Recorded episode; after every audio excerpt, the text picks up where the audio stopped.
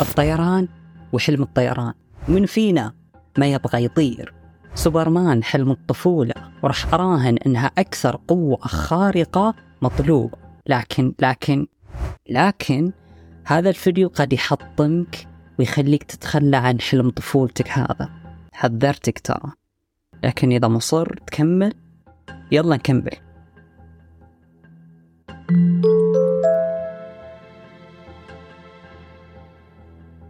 تخيل لو عندك قدرة الطيران إيش ممكن الأشياء اللي تسويها؟ اكتب لي تحت في ال comments تصعد فوق فوق السحب فوق الجبال وتشوف المناظر الطبيعية يا سلام.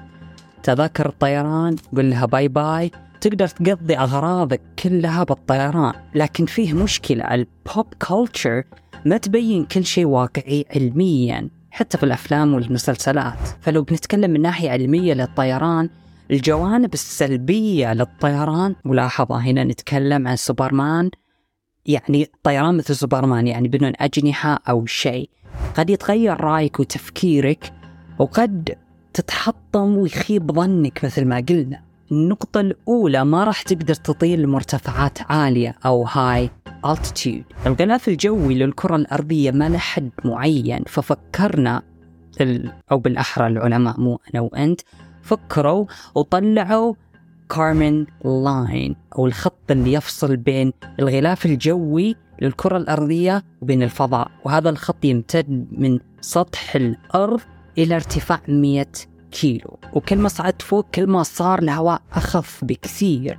ومشكلة الغلاف الجوي ما هو موزع بالتساوي. يعني كثافة الهواء ما هي موزعة بالتساوي. يعني كثافة الهواء مركزة أكثر في أول 10 كيلو. من بعد ما تطلع فوق 10 كيلو راح يخف الهواء أو كثافة الهواء راح تخف بشكل مجنون. مما يعني ما في أكسجين. كافي. لو صعدت فوق عند 19 كيلو راح تحتاج بدلة ضغط عشان لا تموت مثل اللي لبسها فيليكس بومجارتنر لما قفز من الفضاء. ولو طلعت عند حوالي 12 كيلو راح تحتاج تتنفس عن طريق أسطوانة غاز فيها أكسجين أو pressurized oxygen. أكسجين مضغوط مثل اللي يلبسوها الغواصين. وحتى لو طلعت عند 4 كيلو راح برضو تحتاج أسطوانة غاز التنفس. هذه عشان تقدر تتنفس. يعني حدك 4 كيلو هنا راح تقدر تتنفس الهواء اللي حواليك وراح تتنفس بشكل طبيعي. يعني انسى تحلق فوق Mount Everest أو جبل إيفرست اللي ارتفاعه حوالي 9 كيلو. لكن أقلها تقدر تحلق فوق أهرام مصر برج خليفة برج الفيصلية برج المملكة. لكن ما خلصنا. لو حلقت لارتفاع عالي بسبب قلة الأكسجين راح يغمى عليك بشكل سريع مرة لدرجة أنك قد ما تنتبه ولا يمديك تسوي شيء. عشان كذا لو تفكر فيها خطوط الطيران يقولوا لك خلال حادث طيران حط القناع قناع التنفس لنفسك ثم ساعد غيرك. عشان ما راح يمديك تساعد غيرك يحط قناعة ثم انت حط قناعك لأن راح تكون عندك لحظات قليلة قبل الإغماء. يذكر كايل هيل أن عند ارتفاع متوسط للطيارة 40 ألف قدم عن سطح الأرض أو 12 كيلو متر وحصل حادث طيران عندك فقط خمس ثواني قبل الإغماء على طول. فلا تفكر وتقول أوكي عادي أروح فوق ومتى ما أحس بضيق التنفس على طول أنزل تحت. ما راح يمديك. النقطة الثانية راح تتجمد حتى الموت. That sounds harsh. كل ما صعدت فوق كل ما زادت البرودة في الغلاف الجوي فلو صعدت 10 كيلو فقط راح تكون درجة الحرارة سالب 50 مئوية. تخيل. وعشان من الأساس ناقشنا بسبب نقص الأكسجين المفروض ما تتعدى 4 كيلو. تخليك تحت الأربعة كيلو. فأفضل حل برضو تكون تحت الأربعة كيلو عشان ما تتجمد حتى الموت. طيب حلوين؟ حلوين. لكن لكن والله سرقنا حقوق عمر حسين كثير في هالفيديو. لكن ما خلصنا. حتى لو قلت طيب عادي لسه ماني متحطم؟ ولا استسلمت عن حلم طفولتي وراح أقدر أطير بشكل مريح بارتفاع تحت أربعة كيلو بالسرعة اللي أبغاها. حابة أهنيك على طموحك واستمرارك في التمسك بحلمك أو بالأحرى عنادك وجهلك. مرة ثانية راح تكون سرعتك محدودة بسبب درجة الحرارة. الحين جسمك حواليه جزيئات من الهواء.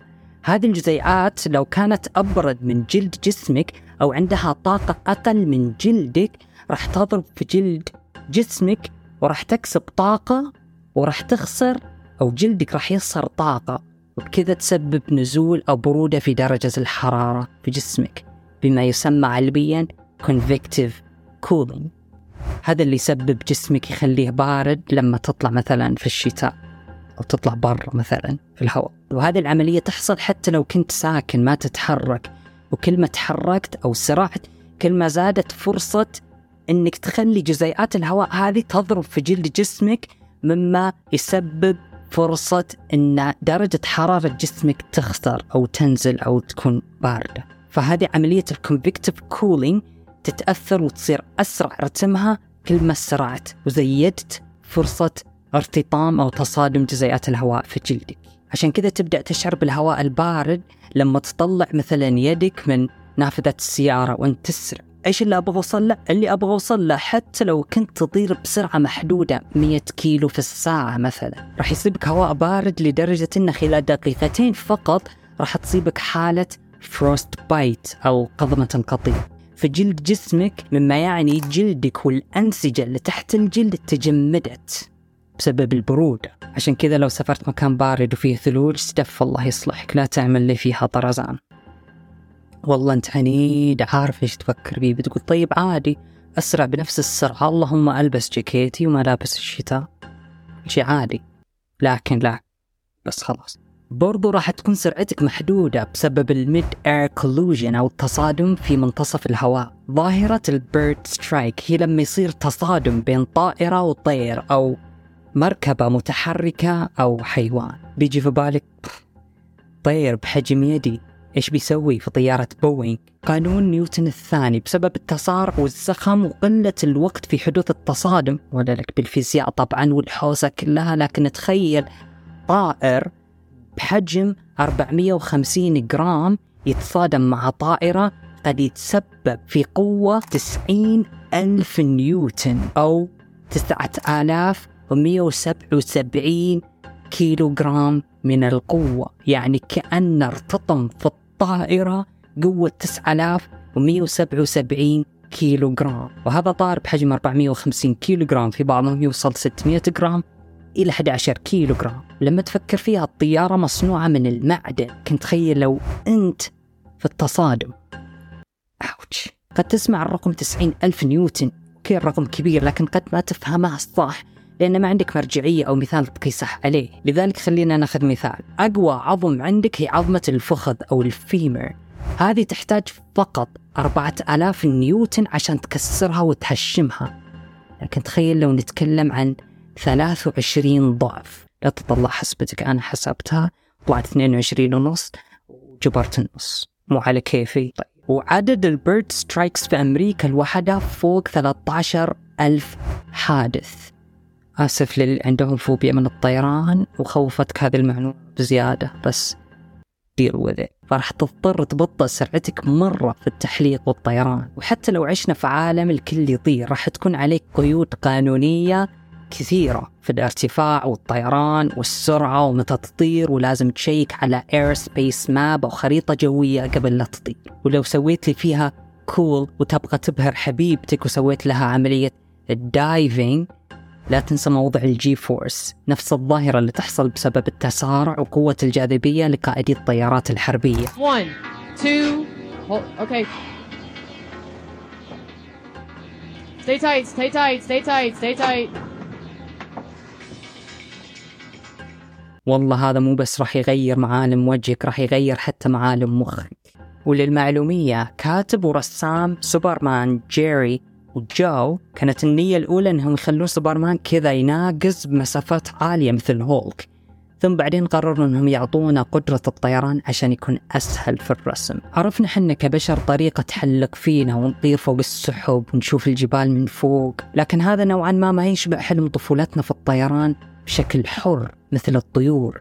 لذلك العلم تطور بشكل كبير أنه ياخذ جينات الأجنحة من مثلا الخفافيش ويزرعها في جينات بشري لكن انضاع من كل أمل في هذه العملية الحل الوحيد في نجاح هذه العملية هي زرعها في جنين لسه ما اكتمل نموه لكن هناك عدة أسئلة أخلاقية في هذه العملية هل هذا الفعل أخلاقي؟ وهل عادي نسحب على قرار الجنين هنا هو ما يقدر يقرر عن نفسه ونزرع فيه جينات الأجنحة؟ يعني هل نتعامل مع جينات الأجنحة مثل ما نتعامل مع تطعيم الأطفال ضد الأمراض؟ ومن ناحية أخرى حتى لو زرعنا أجنحة بسبب ثقل جسم الإنسان وضعفه العضلي وبنيته العظمية راح يكون مرة صعب إنه يطير. عشان الطيران يتطلب إنك تحرك أجنحتك بشكل سريع جدا لتحت عشان تضرب الهواء وأنت ترتفع. فتخيل السرعة اللي يحتاجها الطائر الطنان عشان يحلق. يقدر يرفرف أجنحته 80 مرة في الثانية الواحدة عشان يحلق. وناهيك عن الطاقة اللي تحتاج تبذلها وقت الطيران. مثلا الخفاش ياكل كل يوم ضعفين وزنه عشان يقدر يستخدم هذه الطاقة عشان يطير لكن الإنسان يأكل يوميا أقل بكثير نسبيا لوزنه. من ناحية علمية أخرى تقدر تطير بأجنحة وتحتاج سرعة أقل في الرفرفة. لو كبرت الأجنحة بحيث تأخذ مساحة أكبر في دفع الهواء لتحت وتصير تحلق لكن زيادة حجم الأجنحة يعني تدبيل الوزن اللي أنت من البداية مسبب لك معضلة كبشري تبغى تطير راح تحتاج أربعة أضعاف الطاقة بعد تدبيلك للوزن. إلا لو قدرنا كبشر نخسر وزن من دون ما نخسر قوة. تساؤل أخير قد يجي في بالك طيب الطائرات؟ كيف تطير وهي ثقيلة؟ وكيف تطير أصلا وهي ما ترفرف؟ أحد الأسباب هي أن محركات الطائرة تحرك الطائرة بشكل سريع جدا لدرجة أن الضغط اللي تحت الطائرة يصير أعلى فيرفعها. الضغط اللي فوقها يصير أقل مما يسبب ظاهرة التحليق لكن قد ذكرت سابقا ليه ما تقدر تطير بسرعة عالية من الأساس. مع كل اللي ذكرناه لا تيأس. أفضل حل هو استخدام التكنولوجيا في الطيران يعني باختصار مثل الرجل الحديدي أو ايرون مان هي أقرب فكرة ممكن يحققها البشر في مجال الطيران البشري الحر. بس